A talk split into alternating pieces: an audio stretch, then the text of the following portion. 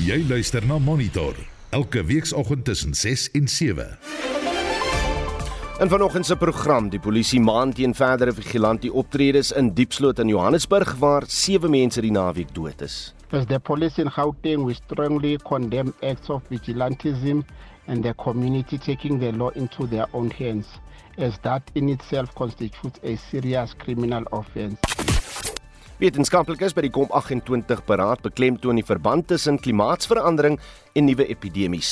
Ons verduidelik hoe gister se konstitusionele hofbeslissing onafhanklike kandidaate sal raak en treinwiele rol weer tussen Johannesburg, Durban en Kaapstad. Welkom by Monitor, die span vanoggend is Hendrik Maten, Daitron Godfrey en ek is Udo Karlse.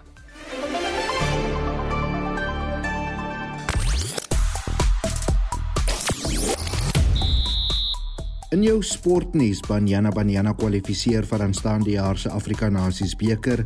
Die Blitsbokke in 'n onvoorspelbare groep vir die Kaapstad Sewes en heelwat nuwelinge in die Protea groep vir die komende reeks teen Indië.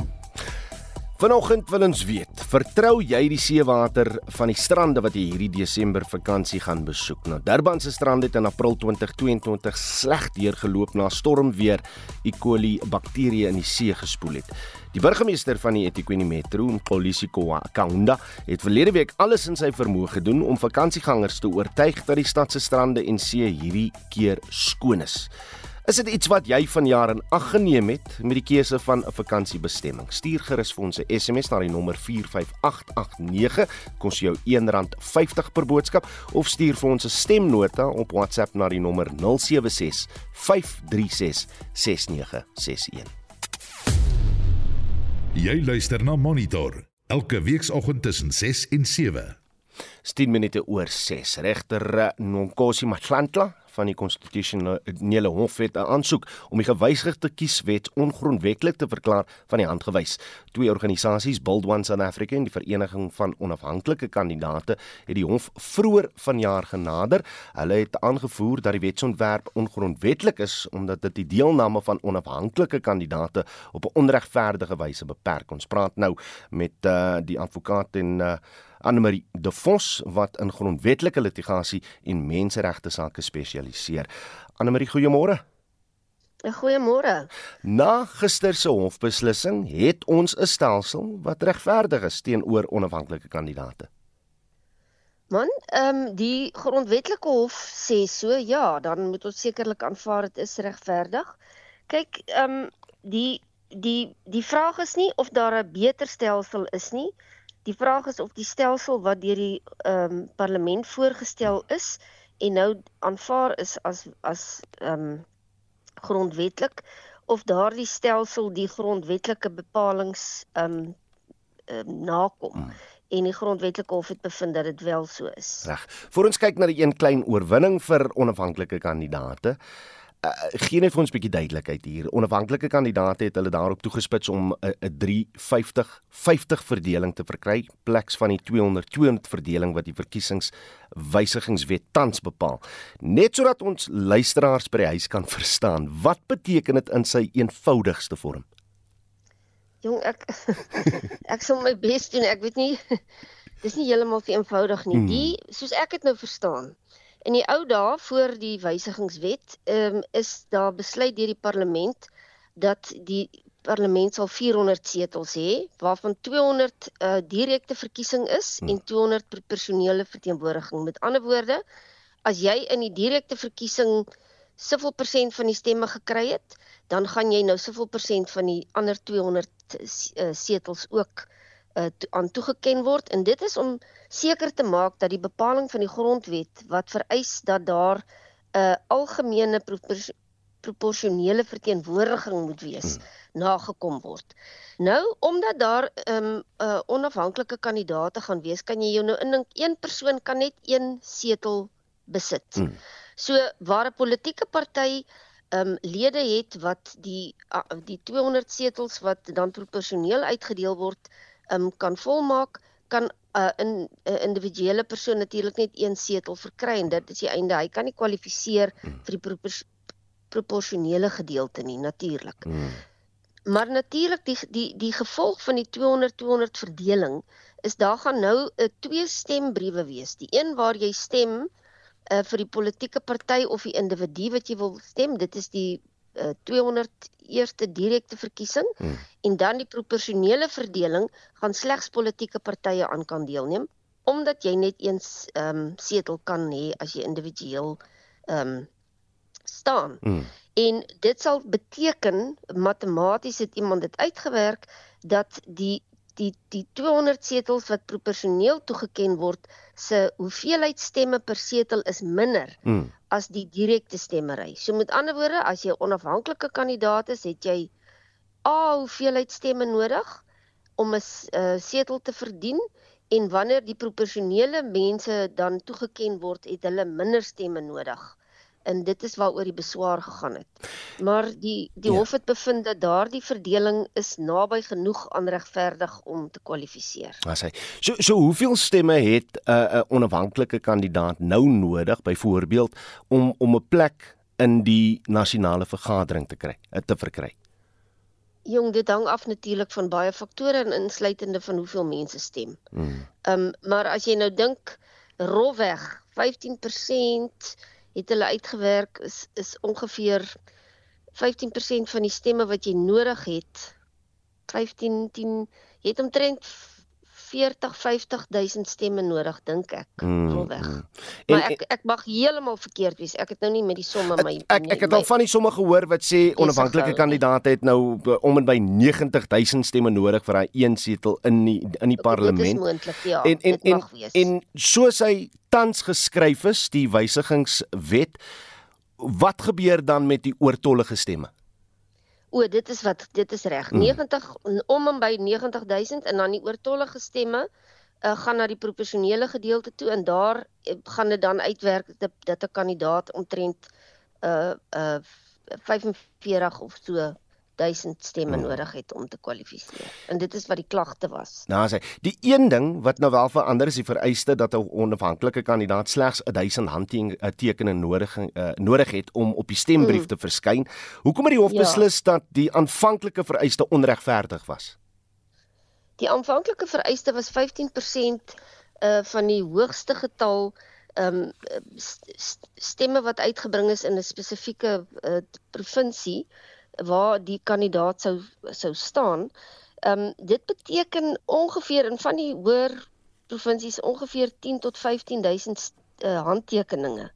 Nou die oorspronklike wetgewing het voorsiening gemaak vir 1000 handtekeninge om te registreer as 'n politieke party. En wanneer jy geregistreer is as 'n politieke party, kan jy outomaties aan die verkiesing deelneem mits jy natuurlik die deposito betaal. Mm, mm. Ehm mm, um, en die hof het bevind dat daardie uh, vereiste uh om om soveel meer stemme nou te ag nee soveel meer handtekeninge nou moet kry in die verlede is is um beperkend op op die reg om eerstens vir die publiek om te kan stem want wie wil hulle voorstem hulle moet 'n vrye keuse hê en is ook beperkend op jou reg om te kan staan as 'n as 'n kandidaat.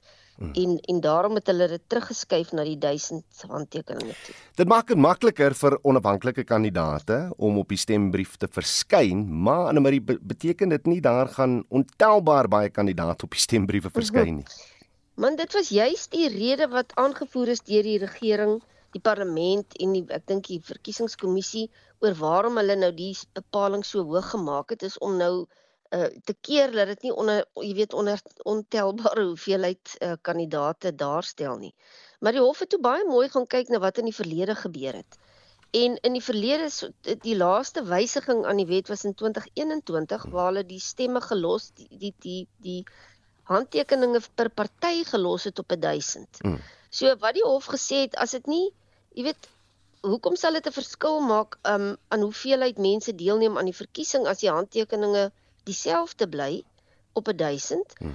as daar nie 'n um, vermenigvuldiging van partye was nie hoekom sal individue nou skielik um, meer op hulle eie deelneem want onthou daar's nog 'n ander beperking ook en dit is jy met 'n deposito betaal natuurlik voor jy ja. kan deelneem wat jy natuurlik gaan verloor as jy nie jou um as jy nie jou setel wen nie jy weet hmm. so hmm. die hof het baie mooi daarna gekyk en jy weet die belangrike ding sou ek sê en wat regter Kallepin so mooi uitgebring het in die uitspraak is die verkiesing is nie net oor wen of verloor nie.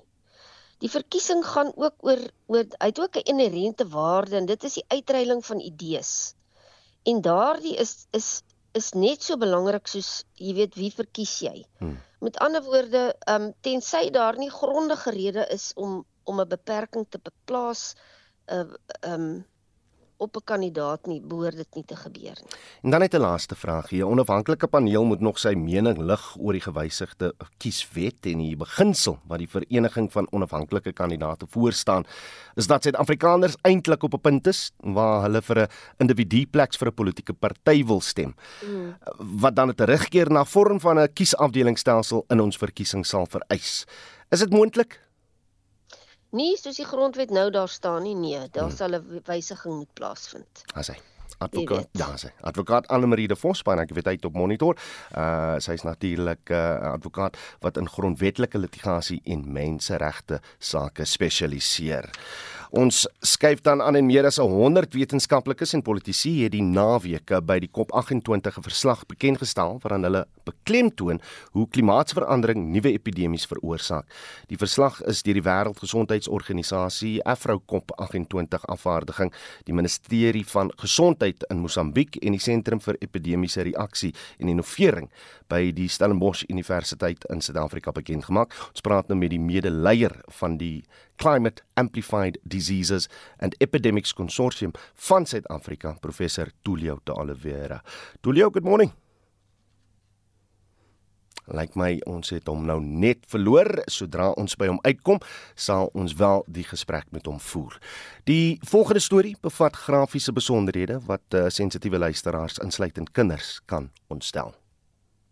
Familielede van die sewe mense wat die naweek in 'n vigilante aanval in Diepsloot noord van Johannesburg dood is, sê hulle is uh, steeds geskok.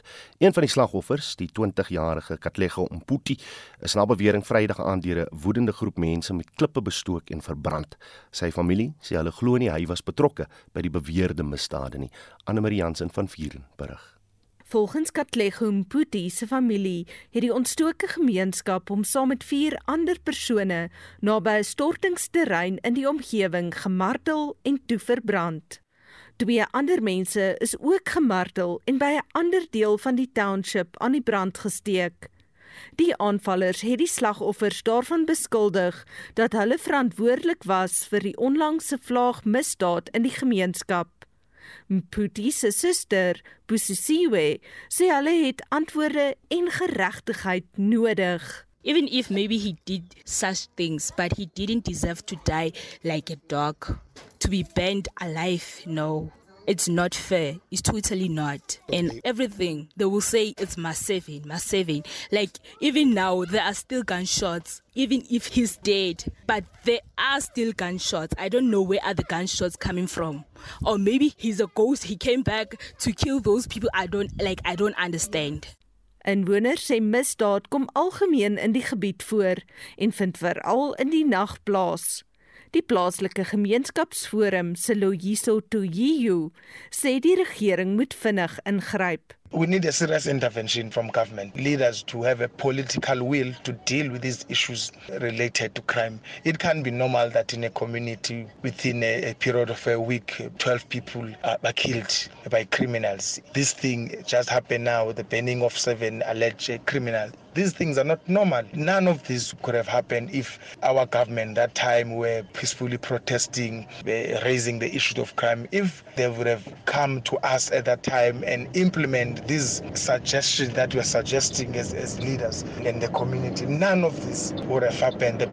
'n plaaslike raadslid, Rufus Maswazi, stem saam. A possible solution is that the police are supposed to be doing their job as being trained to do what they're supposed to do whenever there is crime. So now, unfortunately, we are in a moment whereby the police have left everything to the community. Hence, you see the issues of vigilantism happening because it looks like the police themselves they don't know what is supposed to be done. No matter how many vans you give them, as we speak now, if you go to the police station, there's abundance of vans there. There's a lot of police that are roaming the street of Diepsloot. Instead of them focusing on crime and getting rid of crime, they are doing funny things Intussen sê die polisie se woordvoerder, Mavela Masondu, hulle ondersoek die saak. Preliminary investigations suggest that in both incidents the victims were assaulted and burnt by the mob. The motive for the killing cannot be confirmed at this stage. As the police in Gauteng, we strongly condemn acts of vigilantism and the community taking the law into their own hands, as that in itself constitutes a serious criminal offense. No arrests have been made yet and police investigation is underway. Diepsloose inwoners beplan om hierdie week 'n aantal betogings by die plaaslike polisiestasie te hou in 'n poging om hul klagtes oor die toenemende misdaad te beklemtoon. Die verslag van Vanuel Shuma en ek is Anne Marie Jansen van Vuren vir SAK nuus. Die Passasiersspooragentskap van Suid-Afrika, PRASA, sal die treindienste van Johannesburg na Durban en Kaapstad hierdie week hervat. Besprekings op die trein na Durban is reeds 50% uitverkoop. Die diens asook die een van Johannesburg na Kaapstad is in 2021 liewer gestaak as gevolg van bedryfs- en netwerkinfrastruktuurprobleme. Die goedkoper bespreking na Durban kos R170 en na Kaapstad R430. Mitsie van 'n Merwe gee vir ons meer besonderhede. Die interstedelike vervoerdienste word nou hervat terwyl verbruikers met hoë vervoerkoste sukkel. Prasa bied weer die weeklikse roetes van Johannesburg na Kaapstad aan. 'n Ekonomiese klasbespreking na Durban kos R170 terwyl 'n toeristeklaskaartjie R360 kos. Vir die rit na Kaapstad is die prys R430 vir die ekonomiese klaskaartjie en R790 vir die toeriste klas. Die eerste trein na Kaapstad vertrek op 6 Desember en na Durban op 8 Desember. Prasa se woordvoerder Andiswa Makanda sê albei roetes voldoen aan veiligheidsstandaarde. Duration of the Johannesburg to Cape Town is about 30 to 34 hours. We are transporting people within the approved speed of the railway safety regulator. We are also factoring in stopovers where we need to change the water, we need to refuel. Durban, you look at 18 hours. People will be able to get out of some of the towns that will be stopping at, stretch their legs, walk about, experience some of the historic towns along the route. Prasa moedig Suid-Afrikaners aan om die spoorweg in Desember as die voorkeur vervoermiddel te gebruik. Dit is om opeenhopings op paaie te vermy. Makanda sê passasiers sal by geskiedkundige plekke langs die roete kan stop om die mooi landskappe van Suid-Afrika so te kan ervaar. There is ample room and space inside the trains. We have dining coaches, we have sleeper coaches for people who want to relax.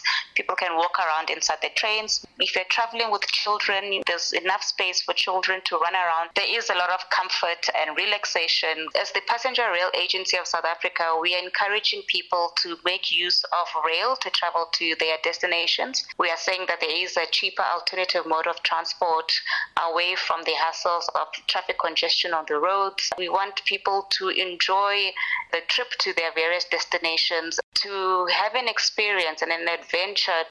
Mense in Johannesburg verwelkom die stap en sê dat hulle opgewonde is om dit te gebruik. It's very, very good. Many people will enjoy traveling. The price is so affordable. The only problem is that it's going to take long to reach their destination. So people must have extra money for food, drinks, and the stuff. I will take the train if it is more cost effective because I've got a bigger family as well as the sightseeing. It could really help with the cost of travel between Johannesburg and Cape Town and Johannesburg and Durban. I guess we'll have to try it to know for sure how successful and how good our option it is. Prabashni Moodley het hierdie verslag saamgestel. Mitsi van der Merwe, SAK nuus. Besorgde groepe in die Wes-Kaap sê die misdaadvlak op Tafelberg is onaanvaarbaar. Hulle eis dat die owerhede meer belê in veiligheidsbestuur vir besoek, besoekers aan die ikoniese baken na toename in aanvalle en rooftogte. Drie soek- en reddingsvrywilligers is onlangs met vuurwapens aangehou. Ons praat nou met die bestuurder van die Tafelberg Nasionale Park, Megan Taplin. Megan, good morning. Good morning. Are there figures that indicate just by how much crime on Table Mountain has increased?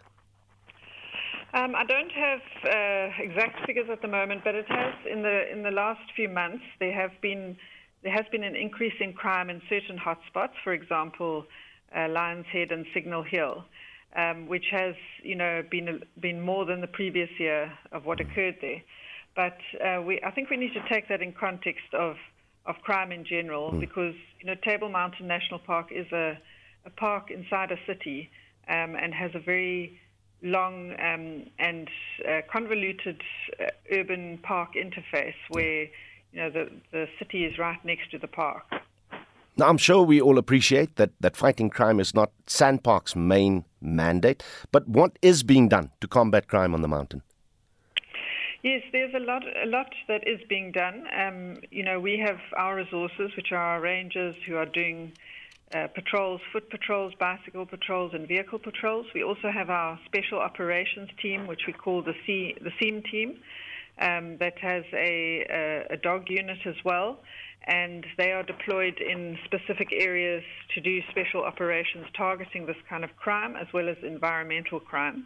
Mm. Uh, we have an operations room where we um, receive information and intelligence from various sources, including cameras, networks, and use that to plan our operations. And then recent, we do collaborate with the other authorities as well who are responsible in this area, which is the police, the SAPS, mm. and also the City of Cape Town's law enforcement. And recently we've revived the Table Mountain Safety Forum, which is a collaboration between SAPS, SANParks, and, and the city law enforcement. Um, and and that, that safety forum is all about sharing the information that we gather and dispersing it amongst these, these three authorities. Um, and deploying our resources optimally so that we don't have a concentration of of people in one spot or of, of, officials in one spot and not in another. Because, of course, when you put pressure on one area, it also spreads to another area, or criminals will go and find other opportunities. Um, we're also coordinating the communication channels and and assisting to follow cases to prosecution. Um, and actually, I'd love to report that there was a success last night where uh, there were some mountain bikers who were um, robbed, and we managed to successfully arrest two suspects. Um, it was a collaboration with SAPS and city law enforcement and our SEAM team who tracked the, the suspects with dogs, and um, they were arrested. So. Mm. So we are having some success, and we hope to have even more success. Well, of course, sorry. Sorry, if, if I if I can yes, just interject there, with all the collaboration that is now taking place, are you happy, uh, Megan, that you have a handle on matters? Because there have been calls that the city of Cape Town should somehow just take over management of, of Table Mountain from a security point of view outright. I don't even know if that is possible. But but what are your thoughts on this? I think we are improving every day and that, you know, we, we have always had collaboration, but we are just ramping up the efforts now. And the more we work together and the more we, we pool our resources, the better. Um, you know, Sandparks is mandated by by national government to and by the, the, the, legislation to manage national parks across the country. So we manage 21 national parks across the country, and and we are the conservation authority that manages national parks. So um, to talk about you know another authority taking over over Table Mountain National Park, um, you know, it's not supported by the legislation mm. and obviously our, our, one of our core mandates or our core mandate is conservation, biodiversity conservation and heritage conservation. And, um, you know, we need to be able to do our job. Um, so, so I think that, you know, there are improvements being made. We are also busy with um, various uh, recruitment processes, and there will be a further process next year to beef up our resources and with various funding proposals for equipment and other safety interventions. We also work a lot with the um, neighborhood watchers, the private security groups, um, to you know collaborate with them as well because they have eyes and ears on the ground in in the various areas where they work. En dit was die bestuurder van die Tafelberg Nasionale Park, Megan Taplin. Wêreldnuus. Die Wêreldgesondheidsorganisasie het 'n waarskuwing van Israel ontvang dat twee van sy mediese pakhuise geteken gaan word in die Gaza-konflik. Madeleine, die direkteur-generaal van die Wêreldgesondheidsorganisasie, eh, Tedros Adhanom, vra op X dat die bevel teruggetrek word. Hy het ook verder gevra dat Israel alles in sy vermoë doen om burgerlikes en burgerlike infrastruktuur te beskerm. Intussen sê die Israeliese weermag dat inwoners in die gebied van Khan Yunis die gebied moet ontruim en dit nou nadat hulle aan die begin van die konflik aangeset om juis soontoe te gaan vir hulle eie veiligheid. Die BBC se Gaza-korrespondent Rushdie Abualouf het meer besonderhede oor gister se gebeure. It was a very long day of bombing, not only in the southern part of Khan Yunis, but also in Gaza City, where we are getting report about two UN schools have been hit by Israeli airstrikes. About 30 people were killed and over 100 injured, according to a doctor in the only uh, hospital that is functioning in Gaza City, Al Ahli Hospital. The situation is deteriorating, and the, the Israeli are moving very fast into the focus of the new Israeli operation in the south. Intussen bly die internasionale gemeenskap ontsteld oor die dood van minstens 6000 kinders die afgelope 2 maande. Verskeie ander word beseer, baie van hulle is vermis, maar een van die beseerdes is hierdie 2 maande oue seentjie Adnan wat in Khan Yunis gebore is. Hier is sy pa. They told us to leave the north of Gaza to the south, and I did exactly what the Israelis told us. But this is what happened. This is my son. He was born on the second day of the war, and we haven't been able to register his birth yet. I would have wished he will see a life other than this daily torment. Each passing day feels like million deaths to us. Intussen het Israel 'n geleentheid teen geslagsgeweld by die VN in Amerika gehou en glo nuwe bewyse van seksuele misdade deur Hamas op die 7 Oktober voorgelê.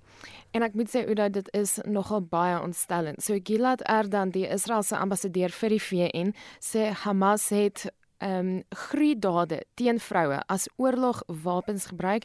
Ons waarsku sensitiewe luisteraars dat die volgende klankgreep ontstellend kan wees. Nou Erdan sê Hamas se dade is vooraf beplan. These were not merely sick, spur of the moment decisions of defi to defile and mutilate Israeli women and girls, to parade their naked bodies in the street while onlookers cheered.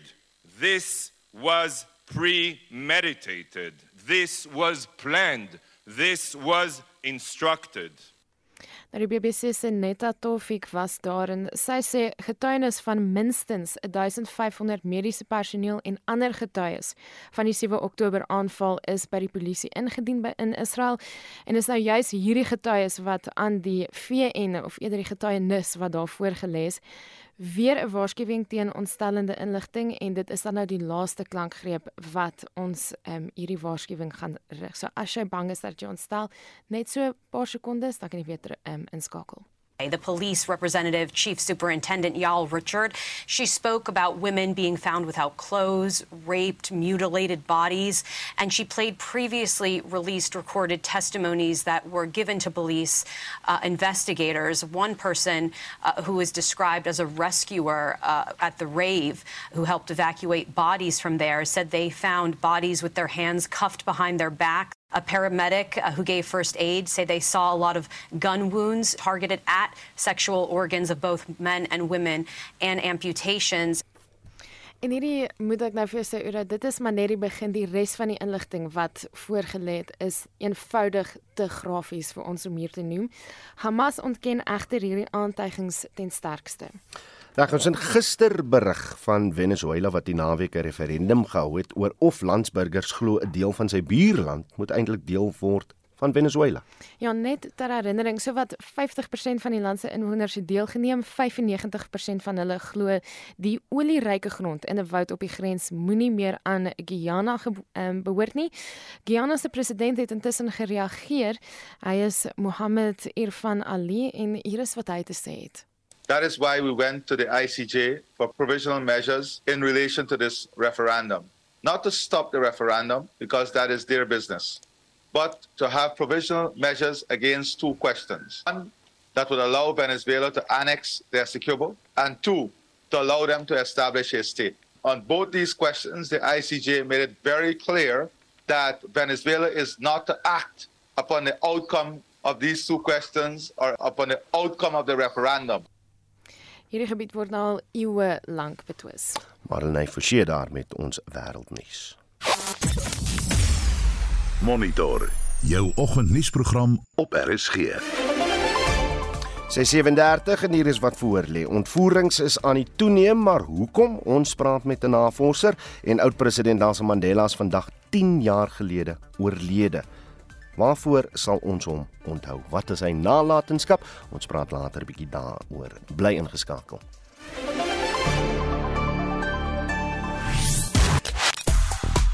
Reg, vanoggend wil ons weet, vertrou jy die seewater van die strande wat jy hierdie Desember vakansie gaan besoek? Durban se strand het in April 2022 sleg deurgeloop na stormweer E. coli bakterie in die see gespoel het.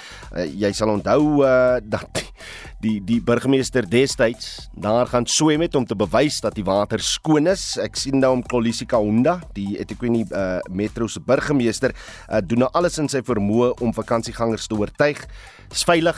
Jy kan Durban toe kom, jy kan lekker in die see swem, maar vertrou jy die water daar waar jy hierdie vakansie bietjie gaan rus. Ehm um, ja, kom ons kyk wat sê mense op die SMS lyn. Uh Lou sê jy kan nie glo wat die munisipaliteite of regering sê nie, indien jy eers heen reis, moet jy self van alles seker maak. Hoe doen jy dit by die strand? Gaan toets jy? Kyk of een van die familielede siek raak en dan besluit jy of hoe hoe maak jy? En dan sê jy Hansie van Pretoria, jare terug was daar nie probleme met die see se strande nie, maar vandag se tyd weet ek nie so mooi nie. Hoe sal dit lyk as jy swem en 'n baba doek surf verby? Vra Hansie. Nou ja, Laat weet hoe jy daaroor voel. Het jy dit in ag geneem toe jy jou planne gemaak het vir die Desember vakansie? Stuur 'n SMS na die nommer 45889. Dit kos jou R1.50 per boodskap of stuur 'n stemnota op WhatsApp na die nommer 0765366961.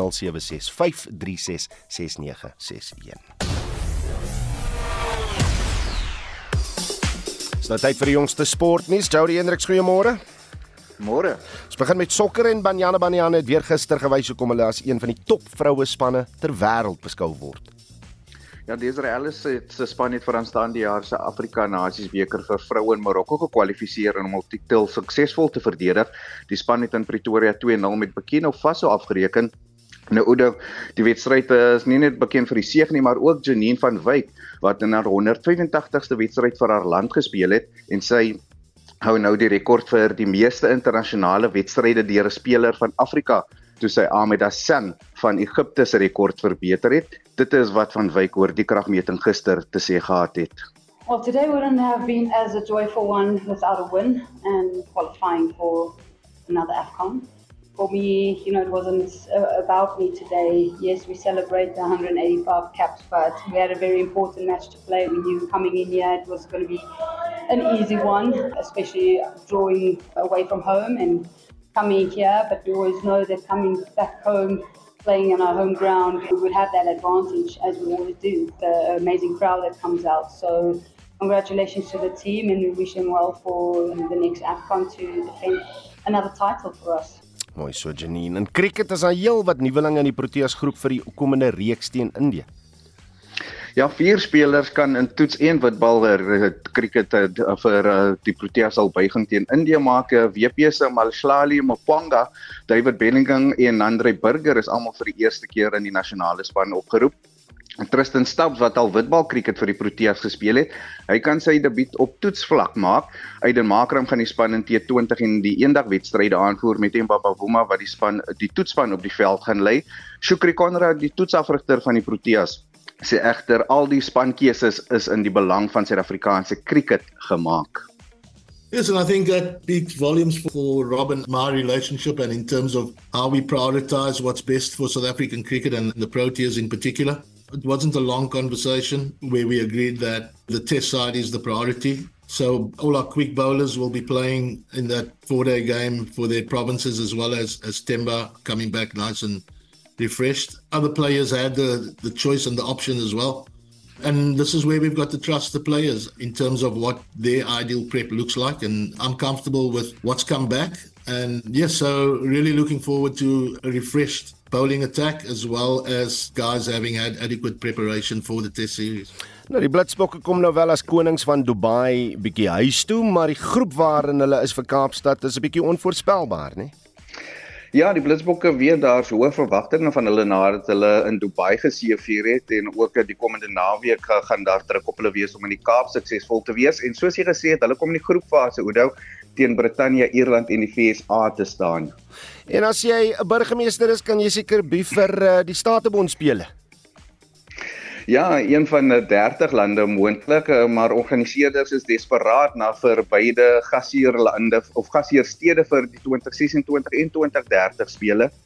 Dit nadat Australië se goue kus weens finansiële redes al bot vir die 2026 spele onttrek het en daar's ook onsekerheid of Hamilton in Kanada sal voortgaan met sy bot vir die 2030 spele nadat een van die hoofstede daar onttrek het. Jody Hendriks daarvan RSG Sport. Jy luister na Monitor elke weekoggend tussen 6 en 7. Dit lyk of ontvoerings besig is om toe te neem. Die aard daarvan het ook verander en ons praat nou met ons spesialis navorser Sye van der Walt. Sye, goeiemôre. Goeiemôre. Wat is die aanduiding uh dat ontvoerings toeneem en en hoe verander die aard daarvan? Wel volgens statistieke en natuurlik die polisie ook, um, is dit besig om jaarliks toe te neem. Ons weet nou in Julie, September hierdie jaar toe ons nou na die polisie se statistieke gekyk het, was daar meer as 4000 mense wat ontvoer is. Nou dis omtrent 6.8% meer as in dieselfde tydperk as verlede jaar. Nou um, as mens gaan kyk na na na die algehele statistieke Um, in 2013 of 2013 2014 daai spesifieke jaar was daar maar net 4306 ontvoerings vir die hele jaar. En teen 2022 is daar meer as 15300 ontvoerings per jaar. So dit beteken Suid-Afrika op hierdie stadium is op 7de op die wêreldranglys vir die meeste ontvoerings in die land per jaar. En die modus operandi hoe dit verander? Wel in die verlede was dit maar amper soos 'n soos Engels sê amper hit and run. Hmm. En op hierdie stadium is dit baie baie meer gefokus op um ryk individue, besigheidsmense, iewers waar jy kan geld maak. So dit gaan baie meer oor om geld te kry um uh, vir die persoon wat jy ontvoer het as wat dit is spesifiek of 'n persoon wat jy maar net van die straat af gryp, ontvoer vir 'n seksuele rede of vir hmm. enigiets anders. So dis baie gedrewe vir geld. Dan moes die polisie nou seker hulle benadering aangepas het of hoe? Definitief, daar is 'n spesifieke taakspan wat op die been gebring is, die nasionale ontvoeringsstaatspan of anti-teen ontvoeringstaakspan, um, wat spesifiek kyk om die mense wat ontvoer is te te vind, maar dan ook die wat die ontvoering doen, um te teiken en hulle to uh, hulle aan die pen laat ry. So, um op die stadium is hulle nogal redelik suksesvol daarin. Hulle kry redelik baie van die mense wat ontvoer is. Um maar hulle het soos altyd is daar altyd 'n um 'n kwessie rondom kapasiteit en daai tipe van uitdagings wat hulle ook in die gesig staar. Wat ons in die media gesien het is dat hierdie ontvoerings baie keer dou voor dag plaasvind eh, en en en as ons kyk na die die tipe persone wat deesdae geteken word, wat weet ons van die statistieke?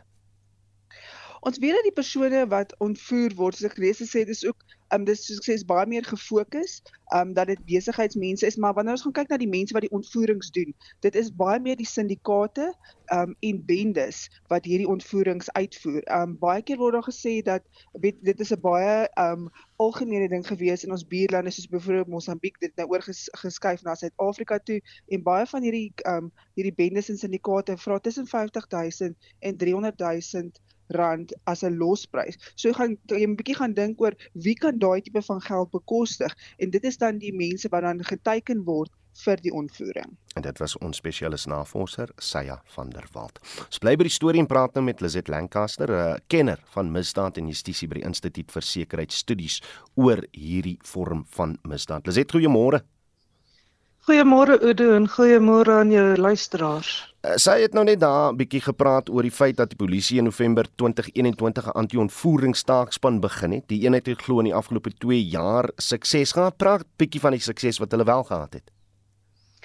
Ja, ons het gesien ehm um, ek dink die mees uh een van die wat ons ehm um, van gehoor het so 'n maand of twee terug is in Johannesburg waar hulle die tipe van Tinder um ontvoerders gekry het wat jong um mense um teiken in Johannesburg wat op um gay dating apps is. Hmm. En hulle het daai hulle het iemand um kon hulle help en hulle het van die mense gearresteer. Ons het ook al in die verlede van die suksesse gesien um, waar jy weet deur multidissiplinêre taakspanne um alle hoogwaarde um individue um kon kon vry kry in die Kaap en ook hier rond van van Durban af het ons um Sandra Monsami gesien wat wat vrygestel is en hulle het mense gearresteer wat Suid-Afrikaners en Mosambiekers is. Mm.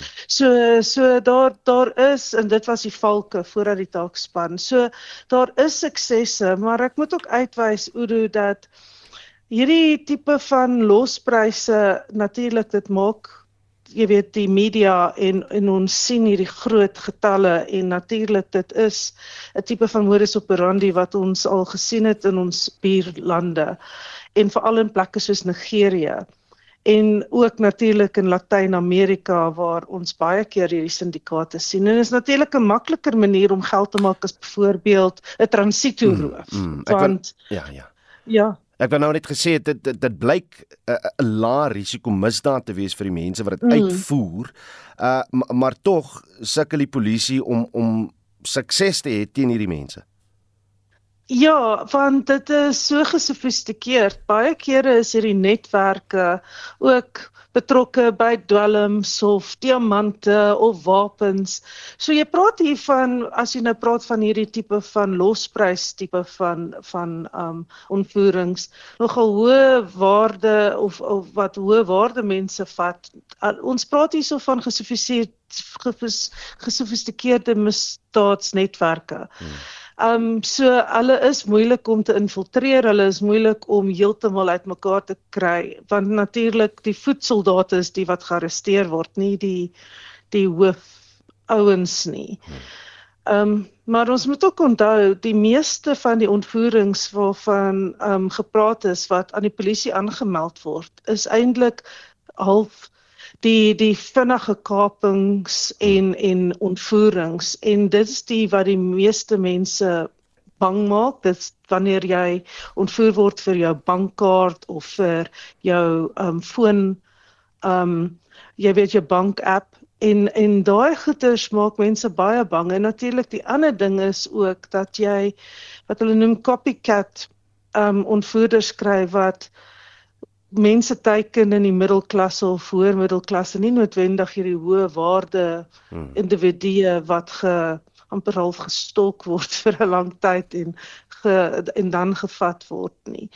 So die polisie het hulle hande vol om um al hierdie tipe van misdade te bekamp, maar die probleem is baie kere word die fokus nie op die rowe gesit nie. Hmm. En dis hoekom ons sien dat amper 60% van hierdie ontvoerings plaasvind in Gauteng want daar sou is soveel bendes wat rowe pleeg en baie keer mense vat net vir hulle geld. Zed Lancaster is 'n kenner in misdaad en justisie by die Instituut vir Sekuriteitsstudies.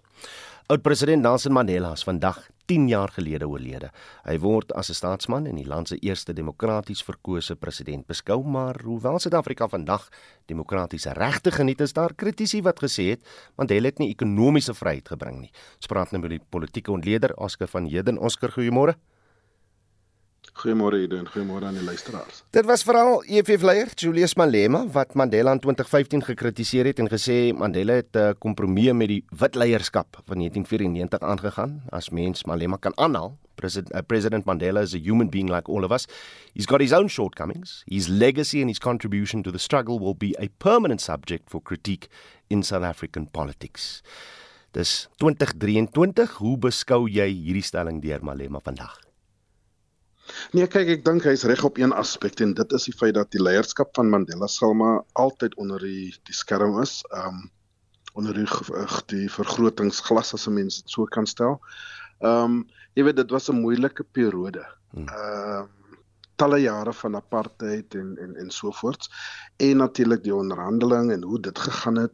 Uh mense het sekere kompromieë aangegaan uh om seker te maak dat ons 'n demokratiese Suid-Afrika kan kry uh, waar mense almal die stem kan kry en so voort. So hy's hy's hy's hy's reg tot 'n sekere mate. Hmm. Ehm um, mense sal altyd kyk na Mandela en sê wat het hy reg gedoen, wat het hy nie reg gedoen nie en ek dink Mandela was bewus van dit.